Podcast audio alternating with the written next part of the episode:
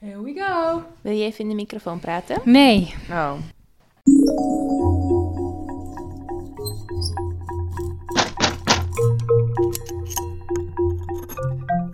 Al sla je me dood.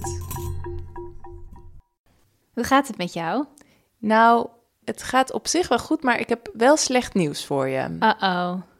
We vroegen ons namelijk een keertje af in een van onze afleveringen of als iemand een moord zou plegen geïnspireerd op onze podcast, of wij dan schuldig zouden zijn.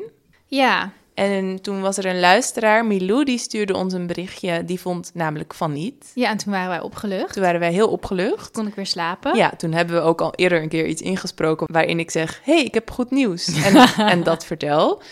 Ja, want zij vond dus, nou, dat is absoluut niet jullie schuld. Maar toen dacht ik, ik ga toch even nog wat andere mensen inschakelen om deze vraag te stellen. Mhm. Dus nu heb ik het gevraagd aan onze huisfilosofen. Hebben we die ook tegenwoordig? Ja, die hebben we ook. We hebben naast de huispsycholoog en een huisjurist nu ook een duo van huisfilosofen. De huisfilosofen, dat zijn Valerie Kramberg en Frank Meester. Zij zijn een stel, wat ik ook heel leuk vond. Ik dacht, als je allebei filosoof bent en je woont samen, kun je dan nog wel eens een keer de afwas doen zonder dat er dan weer de zin van het leven bij besproken moet worden. Maar, Maar wat ik ook wel erg vind bij filosofen is dat ze vaak niet echt een mening of een stelling innemen. hè. Dat ze het eigenlijk van allerlei kanten bekijken en het soort van in het midden laten van wat het dan is. ja, dat vind ik altijd super irritant. Ja. Maar deze filosofen deden dat niet. Oké. Want ik stelde dus die vraag van zijn wij dan schuldig als iemand een moord pleegt? En geïnspireerd op onze podcast. En ik dacht inderdaad, oh dan komen ze weer van nou, hè, verschillende kanten. Maar ze zeiden heel duidelijk, ja, dan zijn jullie schuldig. Oh, Dus bammer. Ja. ja, ik moest het ook wel even slikken. Ja. Maar er kwam ook een toelichting bij. Oké, vertel. Ehm, Voel ik me daar beter door of niet? Waarschijnlijk niet. Oké. maar, maar ik doe het toch. nou, zij begonnen met Goethe.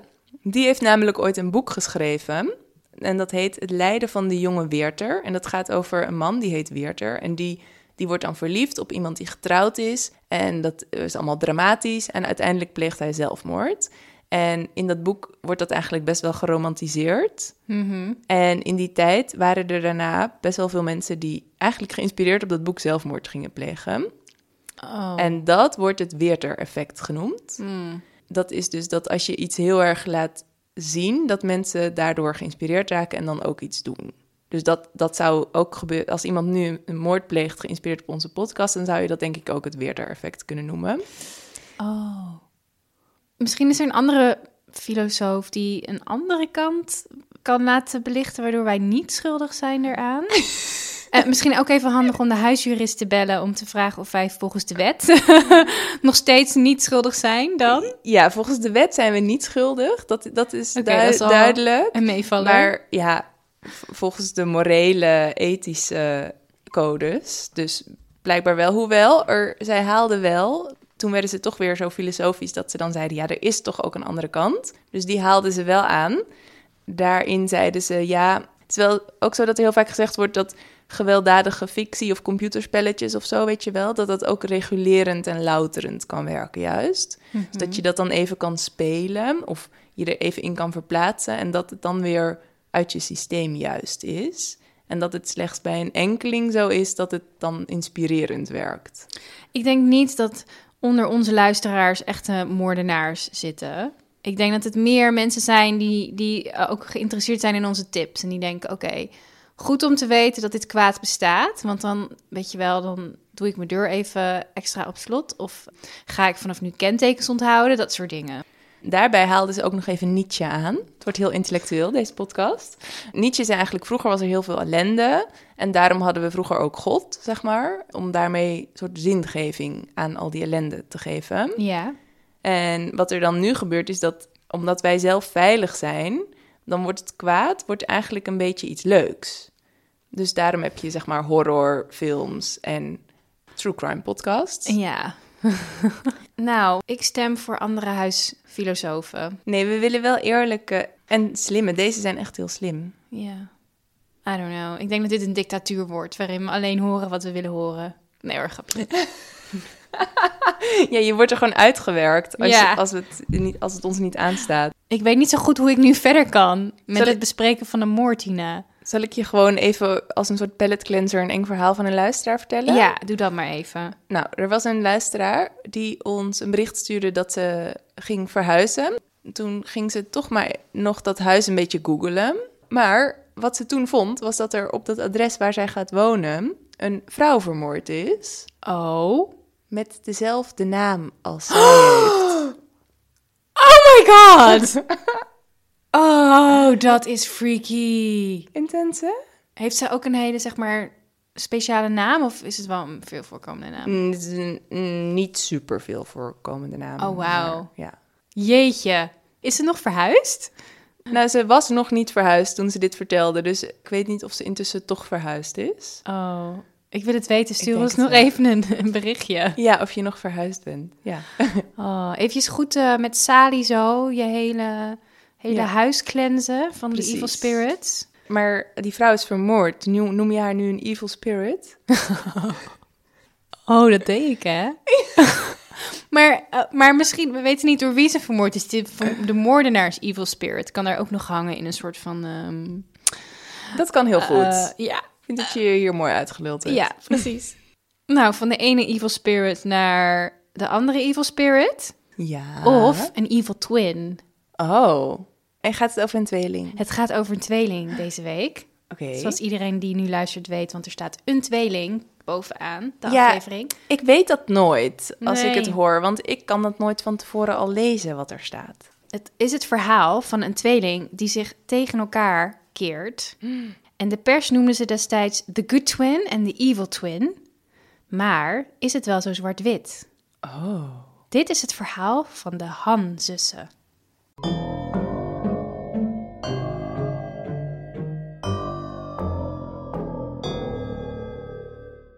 Sunny en Gina Han werden op 30 april 1974 geboren in Zuid-Korea.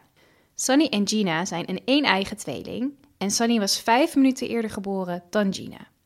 In de Koreaanse cultuur is dit belangrijk, want het oudste kind wordt namelijk gezien als de leider, waar de jongere kinderen naar moeten luisteren. Maar Sunny en Gina volgden deze traditie niet. In hun jeugd zagen ze elkaar echt als gelijken. Ze waren ontzettend close, zoals alleen tweelingen dat kunnen zijn. Echt op zo'n manier. Ja. Hun moeder, Boon Hong Kim, stond er vrijwel meteen alleen voor nadat de vader van de meisjes het gezin verliet toen ze nog heel klein waren en al het contact verbrak. Boon Kim had het als singlemoeder moeilijk. Ze kon niet voor beide kinderen zorgen, dus ze stuurde baby Gina naar familieleden, terwijl Sunny bij haar bleef wonen. Oh. Ja, Dus ze werden uit elkaar gehaald. ja, Dat is al meteen best wel heftig voor een tweeling, denk ik. ja, de twee meisjes groeiden de eerste drie jaar van hun leven apart van elkaar op. Maar ze bleven wel die speciale tweelingconnectie houden. Ehm, als Sunny zich bijvoorbeeld ziek voelde, dan zei ze tegen haar moeder dat Gina ook ziek was. En dat bleek dan altijd te kloppen. Volgens Boon Kim waren haar dochters zo close dat ze bijna dezelfde persoon waren. Toen Sunny en Gina herenigd werden, drie jaar later, werden ze nog closer. Ze droegen dezelfde kleding naar school en waren amper uit elkaar te houden en zo hadden ze het ook graag. Hun thuisleven was echter onstabiel en hectisch. Hun moeder had moeite met de eindjes aan elkaar knopen en ze had verschillende vriendjes en gedroeg zich onbetrouwbaar. Toen de meisjes wat ouder waren, bleef ze soms een paar dagen lang van huis weg. Boon Kim had zelf ook een onstabiele jeugd gehad. Haar vader had haar verlaten toen ze nog jong was en haar moeder alleen achtergelaten met zes kleine kinderen. In zekere zin herleefde ze haar jeugdtrauma weer als de singlemoeder van Sunny en Gina.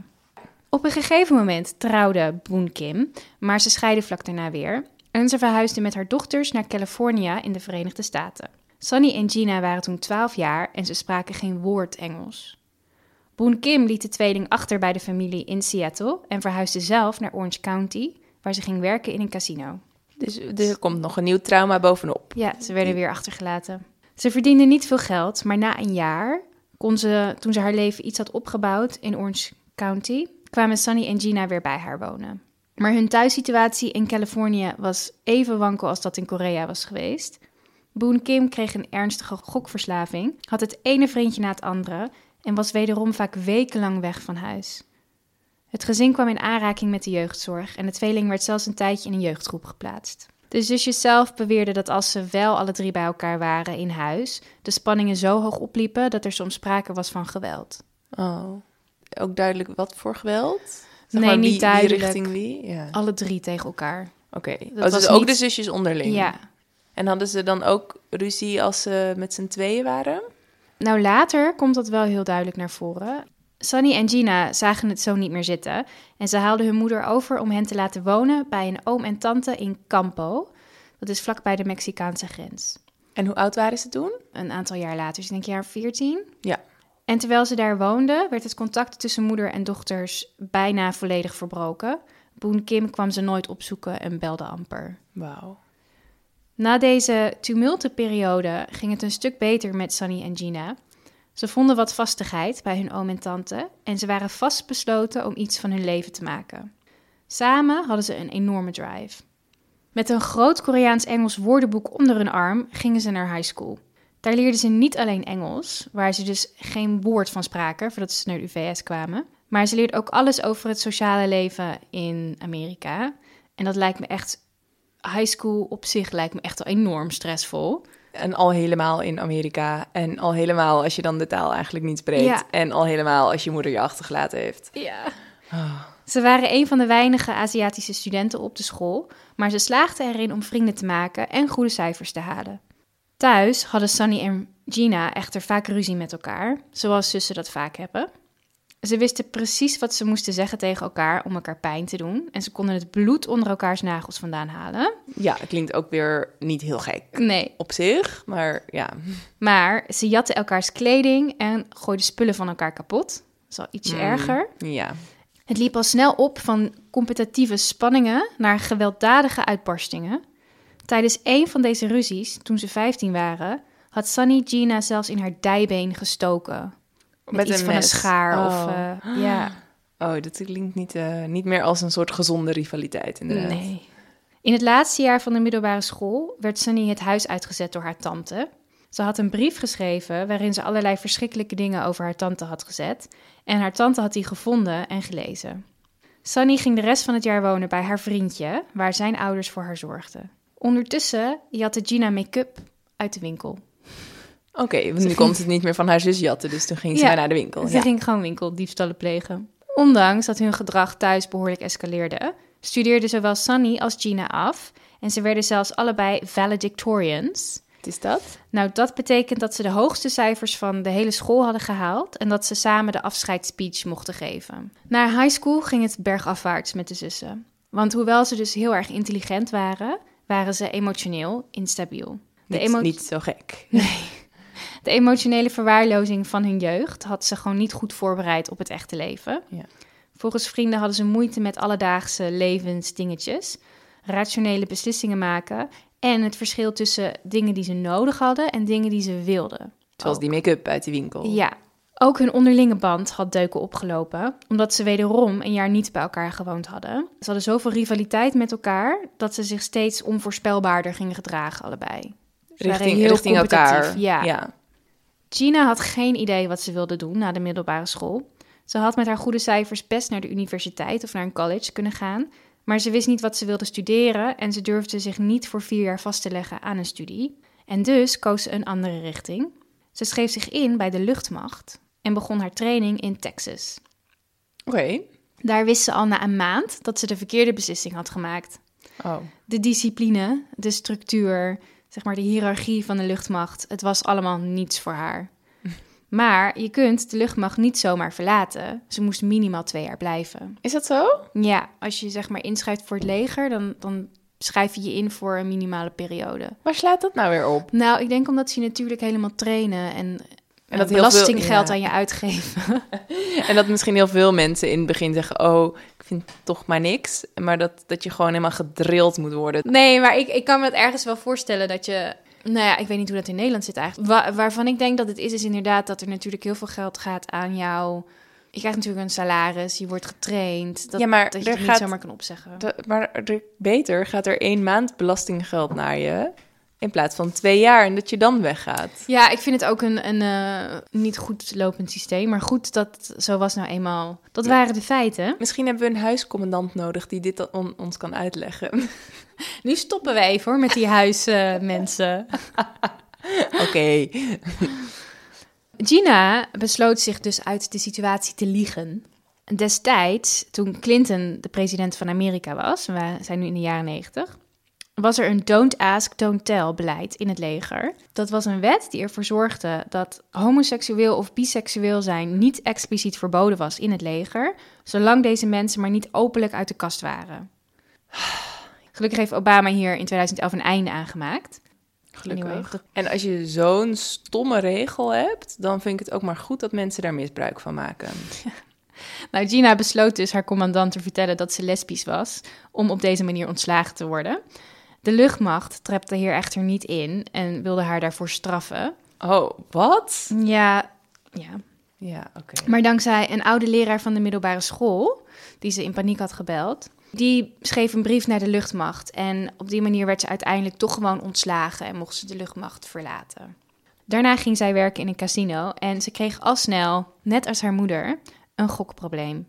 Al snel was ze al haar geld kwijt en stal ze creditcards en checks van familieleden en vrienden. In totaal had ze binnen twee maanden zo'n 40.000 dollar gestolen van Oh. verschillende mensen. Best nog knap. Ze begon zich af en toe voor te doen als Sunny, als het handig was. Ze schreef bijvoorbeeld checks uit in Sunny's naam of ze gebruikte Sunny's PSN-nummer. Toen haar oom, degene bij wie ze een tijdje gewoond had, merkte dat Gina 10.000 dollar van hem gestolen had, belde hij de politie. Ja, die dacht, ik heb hier godverdomme voor je lopen zorgen. Ja. Ja. Ja, Ja. en die, misschien is er ook een grens qua hoeveel. Hè? Ik bedoel, 10.000 dollar. Dat is niet iets wat mensen zomaar kunnen missen. Nee, meestal niet. Als nee. ik 200 dollar had gestolen, was het van... oké, misschien even een gesprek met jou aangaan. Maar... Ja, ja, precies. Nou, Gina werd veroordeeld voor de diefstal. Ze kreeg 10 dagen cel, drie jaar voorwaardelijk. En ze moest die 40.000 dollar terugbetalen aan al haar slachtoffers. En inmiddels was ze waarschijnlijk volwassen. Ja, ze was nu 20. Gina wist niet meer wat ze moest doen. En ondanks dat ze behoorlijk uit elkaar gegroeid waren, klopte ze aan bij haar tweelingzus Sunny. Sunny was de goede zus, die ogenschijnlijk haar leven wel op de rit had. Want. Of toch niet? Oh. Na de middelbare school had Sunny een studiebeurs gekregen voor de University of Laverne in Californië. Daar bewoog ze zich tussen de rijke studenten die designerkleding droegen en in dure auto's rondreden. In een poging om erbij te horen, begon Sunny ook geld uit te geven. Ze leaste een dure BMW, ze kocht designerhandtassen, etc. Om dit te kunnen betalen, werkte ze als danseres in een stripclub in een nabijgelegen stadje. Maar na een jaar kwamen haar vrienden erachter wat ze deed voor werk. Oh, want dat vonden ze dan stom. Ja, dat probeerde ze geheim te houden natuurlijk, want ze wilde doen alsof ze rijk was. Oh ja, precies. En toen lag ze er toch uit, natuurlijk. Ja, oké. Ja. Haar cijfers werden steeds slechter, ze verloor haar studiebeurs en de schulden liepen op.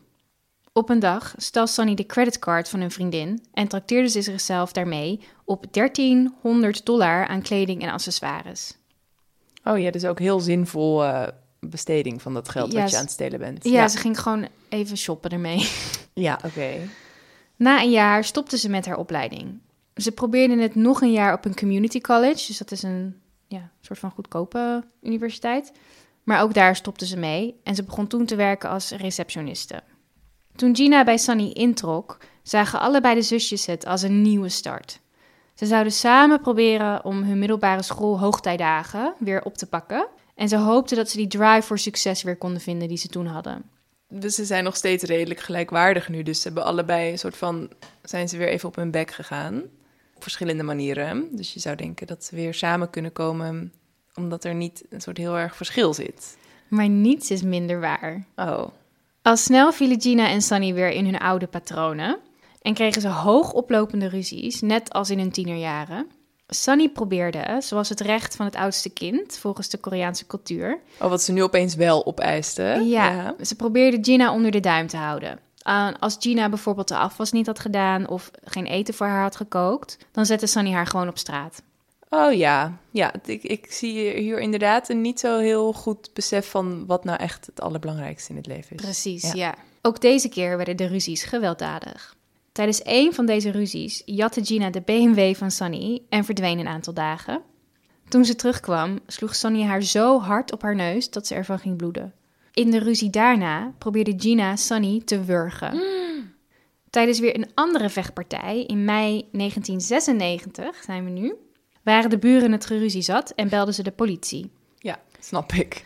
Gina had verwacht gearresteerd te worden, want zij was immers de zus die voorwaardig vrij was en al een celstraf achter de rug Oh had ja. gehad. Ja, ja, ja. Maar niemand minder dan Sunny werd gearresteerd. Oh, hoezo dan? De politie zag dat er een arrestatiebevel voor Sunny was voor die ene creditcard die ze gestolen had van een vriendin. Ah, ja. En waar ze toen zoveel, zeg maar, die 1300 dollar van had gebrast. Oh ja. Dat soort dingen komen altijd weer terug. Ook al Ja. denk je dat je er vanaf bent. Ja. Toen Sunny hiervoor voor de rechtbank moest verschijnen, zei ze: Ik dacht niet dat mijn vriendin het erg zou vinden. Ze was toch rijk.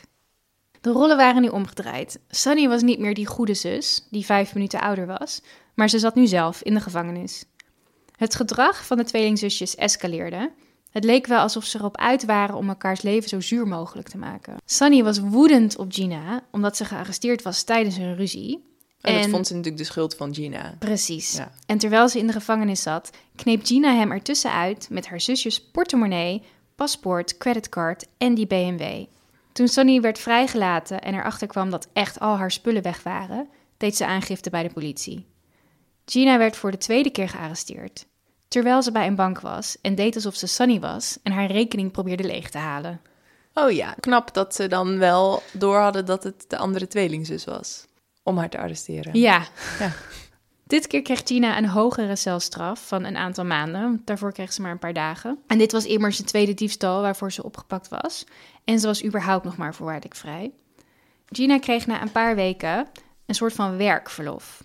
Dus dat betekende dat ze de gevangenis mocht verlaten om naar haar werk te gaan. Ah ja, en dan, dan kom je weer terug s'avonds bij de gevangenis. Staat, Ja. je, staat je eten klaar? Nou, ideaal. Ja, precies, ja. Gina belde Sunny eh, om te vragen of ze haar paspoort en auto wilde brengen tijdens haar werkverlof. Maar Sunny weigerde. Ja, dat snap Ja. ik ook alweer. Sunny vertelde Gina dat ze was verhuisd naar Irvine in Orange County in Californië. En dat ze haar nieuw adres niet zou doorgeven en dat ze Gina niet ging helpen. En ze hing op. Oké. Hun haat-liefde relatie was veranderd in een soort van pure haat jegens elkaar. Echt heftig eigenlijk, hè? Als Ja. je zo, eh, zeg maar, uit één eicel ooit begonnen bent, dat het dan zo escaleert. Nou, na deze laatste afwijzing van haar tweelingzus knapte er iets in Gina. Ze vertelde haar celgenoten dat ze Sunny dood wilde. Oh nee. Ze zei dat ze ging weglopen uit de gevangenis, naar Mexico zou gaan en vanuit daar naar Korea zou vliegen, waar ze een nieuwe start wilde maken. Maar dus nadat ze eerst de zus had doodgemaakt. Nou, bij de eerste gelegenheid deed Gina precies dat, in ieder geval de helft ervan. Ze nam de benen tijdens haar werkverlof en ze zocht onderdak bij een vriendin in San Diego. Maar voordat ze naar Korea zou vliegen, wilde ze eerst afrekenen met haar tweelingzus. Ze wilde haar zus zo graag pijn doen dat ze alleen maar daarover nog kon praten. Oh, wauw. Ze vroeg verschillende vrienden of ze Sunny voor 80 dollar in elkaar wilde slaan voor haar. Wauw. Ze reed zelfs meerdere malen rond in Irvine, Orange County, op zoek naar Sunny's nieuwe appartement, want dat adres had ze natuurlijk niet. In haar achterbak had ze vuilniszakken en ducttape liggen, voor het geval dat ze Sunny zou tegenkomen. En tegenover een vriend beweerde ze dat als zij Sunny niet zou vermoorden, Sunny haar zou vermoorden. Dus het ging erom wie, het, het- wie er het eerste was. Oh, wauw. En denk je dat het ook echt zo was? Nee, ik denk het niet. Nee. In San Diego leerde Gina twee jongens kennen. De 16-jarige Archie Bryant en de 15-jarige Jonathan Yoshi Sayarat. Oké, dus echt jonge jongens. Ja, zij was zelf 22. Deze jongens waren kleine boefjes. Ze waren geen echte criminelen, maar ze kwamen wel uit een crimineel milieu en ze konden makkelijk aan wapens komen. Toen Gina dit doorkreeg, bedacht ze een plannetje. Op 6 november 1996 vroegen Archie en Yoshi aan Gina of ze hun een lift konden geven naar school. In plaats van ze af te zetten op school, reed Gina naar Irvine, Orange County. Inmiddels was ze erachter gekomen waar Sunny woonde en ze haalde de jongens over om mee te werken aan een plannetje. Ze vertelde ze dat Sunny spullen van haar had die ze wilde ophalen, maar dat de Aziatische maffia misschien aanwezig zou zijn. Dus Oh. dat ze hun hulp nodig had en de hulp van hun pistool om naar binnen te gaan. Oké. Ze ging eerst langs het verhuurbureau van het appartement en deed zich voor als Sunny en probeerde zo een extra sleutel te krijgen. Maar dit werkte niet, dus ze ging over op plan B. Archie en Yoshi zouden aanbellen bij Sunny en zich voordoen als tijdschriftenverkopers. Random. Ja, maar toen er tijd had je natuurlijk heel veel van die door-de-door salesmen. Ja, precies. Dat toen is hadden we nog zo. geen eh, internetshopping. Ja. Nou, dan zouden ze naar binnen breken, met de pistool dreigen en Sunny vastbinden. Als Sunny vastgebonden was, dan zouden ze Gina gaan halen. Ja. Waterdicht plan. Ja. Je moet je wel ook bedenken dat dit jongetjes van 16, 15 en 16 zijn. Dus die hadden ook Ja. niet heel erg veel, heel erg goed nagedacht hierover. Nee, oké, ja. Ja. Sonny stond in de badkamer en was haar make-up aan het doen. Toen ze ineens haar huisgenoot, een vrouw genaamd Helen Kim, hoorde gillen. Een mannenstem riep: Shut up! Sunny reageerde snel en ze rende naar haar slaapkamer, waar ze haar telefoon pakte. En ze rende weer terug naar de badkamer en deed de deur op slot. Slim. Vanuit daar belde ze de alarmdiensten en ze smeekte ze om zo snel mogelijk te komen, omdat ze dacht dat ze overvallen werd. En die jongens hadden natuurlijk niet echt helemaal bedacht dat er misschien nog een huisgenoot zou zijn. Ja, en, en sterker nog, ze wisten niet. ze snapten niet eens dat Gina en Sunny tweelingzussen waren. Ah. Dus ze dachten in eerste instantie dat die Helen Kim Ja. misschien wel de zus van Gina was. Want Helen Kim klinkt ook als een Aziatische vrouw. ja, dat was ook een Koreaanse vrouw. Ja, oh ja, dus ze dachten gewoon, oh, we hebben er. Ja. Oh, jezus. Ja. Nou, in de woonkamer werd haar huisgenoot Helen dus vastgebonden met ducttape door Yoshi, terwijl Archie de rest van het huis inspecteerde. Hij vond Sunny in de badkamer met haar telefoon in haar handen. Want, maar de deur was toch op slot? Ja, ingebeukt. Ja, oké. Je hebt de politie gebeld, riep hij in paniek. Maar Sunny loog en zei: Nee, ik was alleen maar met een vriend aan het praten. Hij dwong Sunny om naast Helen te gaan zitten en bond ook haar vast met ducttape. Shit. Het lukte Helen om zich los te wringen en ze rende naar de deur. Maar Archie rende er achteraan met zijn geweer en hij zette het pistool op haar hoofd en dwong haar weer te gaan zitten. Daarna ging hij het huis doorzoeken op zoek naar Gina's zogenaamde spullen. Yoshi liep naar buiten om Gina te halen, zoals ze gevraagd had. Maar zodra hij buiten stapte, hoorde hij de sirenes. Oh ja. De politie was ter plekke. Ja. Yoshi liep langzaam naar Gina's auto en ging op de achterbank zitten, terwijl Gina de politie aansprak. Ze identificeerde zich als Sunny en ze zei dat zij in het appartement woonde en deed alsof er niks aan de hand is.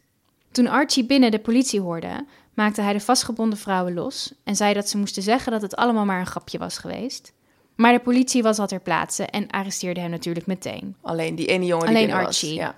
Toen Sunny en Helen naar buiten kwamen met de ducttape nog in hun haren, veranderde Gina van plan. Ze rende op de politie af, hysterisch, en deed alsof ze de ongeruste zus was van Sunny. Oh, dus, maar ze had eerder gezegd dat ze Sunny was. Ja, dus ze deed, ze flipflapte. Hmm, dat is dan natuurlijk al gek. Ja, oké. Ja, nou de politie, de agenten die trokken hun wenkbrauwen wel op, maar vooral toen ze dus die twee identieke vrouwen zagen. Maar ze wilden de hysterische Gina ook kalmeren en het plaatsdelict onderzoeken. Dus ze droegen haar op om in haar auto te gaan zitten en te wachten. Gina liep terug naar haar auto met Yoshi erin en reed weg. Nou, een dag later wordt ze alsnog gearresteerd. Tijdens haar arrest vertelde Gina dat ze Sunny heette en ze liet Sunny's rijbewijs zien. Oh, De truc werkte deze keer alleen niet. oké. Gina, Archie en Yoshi werden aangeklaagd voor het eh, beramen van een moord, inbraak en gijzeling. Want die jongens hadden waarschijnlijk gewoon alles verteld. Het waren tieners die... eh, Nou, ze pleiten allemaal onschuldig te Oh. zijn. Oké. Toen de politie aan Sunny vertelde dat Gina achter de inbraak en de hele misdaad zat, en dat het zelfs een samenzwering tot moord was geweest, reageerde ze geschokt. Ze wist niet eens dat Gina uit de gevangenis was ontsnapt. Want Oh, Gina ja, die hoorde natuurlijk Oh, in de cel te zitten. ja. Nou, de media die werd helemaal wild van dit verhaal. En er waren koppen van Evil Twin versus Good Twin. Sunny werd afgeschilderd als de perfecte zus die haar leven op orde had. En Gina werd afgeschilderd als de gestoorde psychopaat die zomaar uit het niets haar zus wilde vermoorden. Oh ja, ja, maar dat weten we intussen al dat het niet zo simpel lag. Natuurlijk. Ja, precies. Sunny werd zo belagen door de pers dat ze zelfs een publicist in dienst nam. Mhm. En voor 10.000 dollar gaf ze een interview, een tv-interview aan een talkshow. Oh, slim. En ondanks dat Gina Sunny letterlijk had geprobeerd te vermoorden, bleef er toch een soort van band tussen de zussen. Sunny probeerde nog een soort van haar aanklacht tegen Gina in te trekken, maar dat kon natuurlijk niet. En de dag voordat Sunny haar getuigenverklaring zou moeten geven in de rechtbank, slikte ze een handjevol slaappillen. Oh, In het ziekenhuis werd haar maag leeggepompt. oh shit. Een aantal dagen later verscheen ze alsnog in de rechtbank. Oh, heftig. Ja, ze wilde zeg maar echt niet tegen haar zus. Ja, ja ze zocht gewoon een manier om Ja. dat dan niet te hoeven doen. Ja. Oh. Op 8 mei 1998 werd Gina veroordeeld tot 26 jaar celstraf. Oh, wauw, lang. Ja, Archie kreeg 14 jaar Oh, en Yoshi die nam een deal en die kreeg 4 jaar. Dit vind ik echt heel zielig voor die jongens eigenlijk vooral. Ja, maar ze waren er wel zelf bij, hè? Ja, Ze liepen oké. zelf met een Ja. pistool te zwaaien. Dat is waar. Maar ze achten het dus wel bewezen dat Gina daadwerkelijk moordplannen had. Absoluut, ja. Ik heb niet allemaal bewijsmateriaal opgeschreven, maar ze hadden dus alles wat zij in haar achterbak had liggen met die duct tape en die vuilniszakken. Ja, oké. Maar ze had het niet bekend. Ze had het heel lang ontkend, maar daarna toch bekend. Uiteindelijk, Oh, na oké. jaren. Oh, oké, ja. Drie dagen later, na haar vonnis, nam ook zij een overdosis en Oh. werd haar maag leeggepompt. Oh, shit. In de gevangenis echter sloeg Gina een soort van nieuwe bladzijde om en ze ging studeren. Ah. Ze haalde uiteindelijk haar diploma in Social and Behavioral Studies. Sorry. Ja, Oh my god. Dat is Schijnbaar- wel echt heel handig voor haar. Schijnbaar was ze zelf geïnteresseerd in haar eigen gedrag. En, Ja, eh, nou, op zich ging ze heel dat goed. onderzoeken. Ja, een beetje zelfreflectie kan geen kwaad in dit geval. Ze werd ook door een psycholoog gediagnosticeerd met een persoonlijkheidsstoornis. Nou, zelf zei ze, volgens een artikel in Medium... Ik heb me heel schuldig gevoeld tegenover mijn zus... omdat ik weet dat ze het hier heel moeilijk mee heeft gehad. Ik voelde me heel, heel, heel erg schuldig... voor wat ik mijn zus heb aangedaan. In 2017 werd Gina voorwaardelijk vrijgelaten.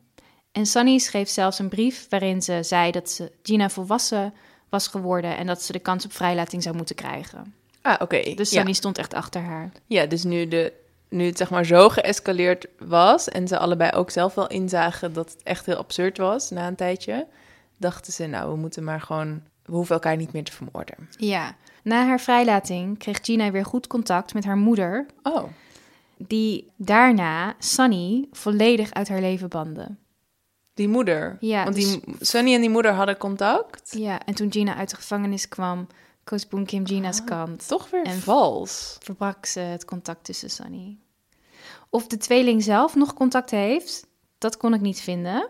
Maar ik kon wel vinden dat Sunny een zwaar leven heeft gehad. En ze verscheen zelf ook meerdere malen voor de rechter, waaronder voor prostitutie. Wat belachelijk dat het strafbaar is, Ja. maar goed. Inderdaad. Ja, dus dat zegt ook eigenlijk dan niet zoveel. Nee. Maar wel dat ze, you know, het is wel natuurlijk een stap van een studiebeurs naar Ja, oké, ja. een sekswerker. Ik had verder nog wel inderdaad gezocht over de psychologie tussen eh, tweelingen. En naast die studie dus had aangetoond dat als tweelingen uit elkaar gehouden worden, dat dat echt een trauma kan zijn. Wat hier natuurlijk een grote rol gespeeld had. Was er ook zoiets als de twinning reaction. Wat is dat? Nou, dat is dus de intense fusie van identiteiten in tweelingen. Dus dat tweelingen niet meer zichzelf zien als twee op zichzelf staande personen, maar dat Ah, ze zich ja. echt zien en gedragen als één. Oh, dat is ook heel interessant. en ik denk ja. dat dat wellicht ook wel voor een deel meegespeeld heeft eh, Ja, bij dat- Sunny en Gina. Ja, want dat zei je ook aan het begin, dat ze dan op school ook het heel fijn vonden als mensen hun door elkaar haalden. Ja. Ben benieuwd wat jullie ervan vinden. Hebben wij, volgens mij hebben wij tweelingen onder onze luisteraars. Ja, vast wel. Ja. Misschien kunnen de tweelingen even aangeven of ze zich herkennen. in Oh my god, wat als dit een zaak is waarin dan ineens de tweelingen tegen elkaar spannen. Oh, dat ze en dat wij. zijn. Ja, Oh, niet doen jongens. Niet Don't be like. Gina. nee, niet doen. Nee. Lief zijn voor elkaar. Ja. Misschien kunnen we even nog aan de huisfilosofen vragen... als we dan iedere keer zeggen dat iedereen lief voor elkaar moet zijn... of, of we dan toch niet meer schuldig zijn. ja, dat zeggen we wel echt elke aflevering. Dus Ja. ik hoop dat dat het goed trekt. Hoop ik ook. De grote wat moet je doen als je bijna vermoord wordt tip. Kaboing. Ik heb een tip voor als je bijvoorbeeld in een badkamer zit en je de politie belt omdat je overvallen wordt en je wil echt dat ze heel erg snel komen. In sommige gevallen is het natuurlijk zo dat politie dan niet zo goed snapt wat er aan de hand is en ze denken ja, ja, ja, ja, ja. Maar als je nou zegt dat je zelf degene bent die geschoten heeft op iemand anders en een pistool in je hand hebt, dan denk ik dat de politie wel denkt, oké, hier moeten we echt met piepende banden naartoe. Oh, maar dan gaan ze je meteen zeg maar arresteren. Ja, maar dat maakt niet uit, dan Oh, ben je ja. wel veilig. Ja. Ik kijk echt te veel crime shows. Ik denk dan dat er een soort van hele rechterlijke nasleep zou zijn... waarin je moet bewijzen dat jij niet degene was die schoot. En... Oh ja, shit. Weet je wat, probeer het eens een keer en, en vertel ons hoe het werkt. Ja. maar misschien ook toch niet. Toch Want niet? Misschien wel als je inderdaad echt overvallen wordt, dan probeer het en laat het ons weten. Maar goed, dan ben je misschien wil je dan liever gewoon even met iemand van slachtofferhulp praten. Maar ehm, ik zou niet zeg maar voor de grap de politie bellen en zeggen dat je een pistool hebt. Nee, dat is even een goede disclaimer. Ja, zou is er, God, erg we hebben ons weer helemaal in een soort van penarie geluld, wij. Ja, Nu moeten we dus Oh. filosofen weer op loslaten. dat, ik vrees het, ja. Ik denk dat we hier ook schuldig aan zijn. Wat er ook gebeurt, ik denk dat we schuldig. zijn. Ja. Oké, nog andere ehm, tips wat je kan doen als je in je huis wordt overvallen? Misschien ken je de film wel Safe Room. Nee. Nou, dat is een, een, een hele oude film met Jodie Foster. Maar in die film is er ook een soort van home invasion, dus een soort van inbraak. En barriceren de inwoners zich in een soort van stalen minikamer midden in het huis, die de inbrekers niet kunnen vinden. En waar allemaal camera's zitten waar ze precies kunnen kijken wat er in huis gebeurt. Oh, dat is echt een goede tip. ja, maak, en er zit natuurlijk een mega slot op, die niet van de buitenkant geforceerd kan worden. ja, maak midden in je huis zo'n stalen kamer. Ja, dat is mijn tip. Ik denk dat dat, dat dat is supergoed. Ja, dat is gewoon wel echt de safeste manier om zo'n inbraakpoging eh, en een poging tot moord te kunnen overleven. Moet Misschien je er kun wel je- voor zorgen dat je niet per ongeluk in die safe room opgesloten wordt met je moordenaar. Dat is ook onhandig, ja. Dat, ik zit nu net te bedenken, dat zou ik doen, dat ik daar dan heel hard naartoe zou rennen en dat dan iemand Vergeet de deur dicht te en, doen. En dan te snel Ja. de deur dicht of te laat de deur dicht doen of zo. Maar en misschien kun je dan ook nog, als je toch bezig bent met deze reconstructie van je huis, kun je misschien ook even een tunnel graven. Dat je ook zeg maar vanuit die stalen kamer midden in je huis, zeg maar, supergezellig. Ook ziet het eruit meteen, dus ook top. Eh, maar dan kun je een tunnel graven die dan ergens zo'n kilometers verder, weet je wel, zoals je ook uit de gevangenis een tunnel kan graven altijd. Ja, ik, ik bedenk me net trouwens, die film heet niet Safe Room, maar heet Panic Room. Ah, oké. Ja. Als je niet een tunnel hebt, dan moet je natuurlijk ook eigenlijk voor weken lang eten en drinken en zo in die kamer hebben. Want als je heel lang opgesloten daar nee, wordt. want in dat kamertje heb je natuurlijk een, een soort van knop die direct naar de alarmcentrale gaat en naar 112 en naar de politie. Dus dan wacht je gewoon, dan druk je daar op die knop en dan wacht je daar gewoon af totdat de politie komt. Misschien is het dan handiger dat je gewoon door je hele huis, zeg maar om de meter zo ongeveer, zo'n knop maakt. Oh, dat is ook een goeie. Dan hoef je niet eerst helemaal naar dat kamertje te rennen. Ja, Maar dan moet je wel altijd als er bezoek is maar zeggen, je, je, mag echt niet op die knop toch? drukken. Van die eh, alarmknoppen überhaupt. Die je om je nek kan dragen. Nou, die je gewoon altijd bij je kan hebben. En dan, is Ja. het, dan gaat dan naar... Dit hebben ook vaak oude mensen, als ze misschien gaan vallen, dan hebben ze alvast een knopje om hun nek. Ja. En gaan ze dan indrukken als ze gevallen ja, die zijn. kan je ook gebruiken. Maar dan bel je meestal wel de verpleegster en dan komt de verpleegster in plaats van de politie. Nou, ik vind mijn safe house toch beter. Want het is gewoon ook een superleuke accessoire in je huis. Ik bedoel, ik heb ook echt zo'n dode hoek in mijn huis... waar ik niet weet wat ik ermee aan moet. Ja. Dus ik ga daar nu ook gewoon zo'n soort van hutje bouwen, denk ik. Maar ik zou niet de safe room in een hoek van je huis maken. Beter in het midden. Zodat het, zodat, want anders als je helemaal in de andere hoek overvallen wordt, dan red je het misschien niet. Oh ja, daar heb je gelijk in. Ja, Ik vind het een verschrikkelijk goede tip. thanks. Zullen we even de nieuwe detectives... ehm, Ja, dat is eh, ook iets waar we schuldig aan zijn. Namelijk dat allemaal eh, heel leuke mensen detective worden op onze Petje Af pagina. Het is zo gezellig daar, jongens. Kom even kijken.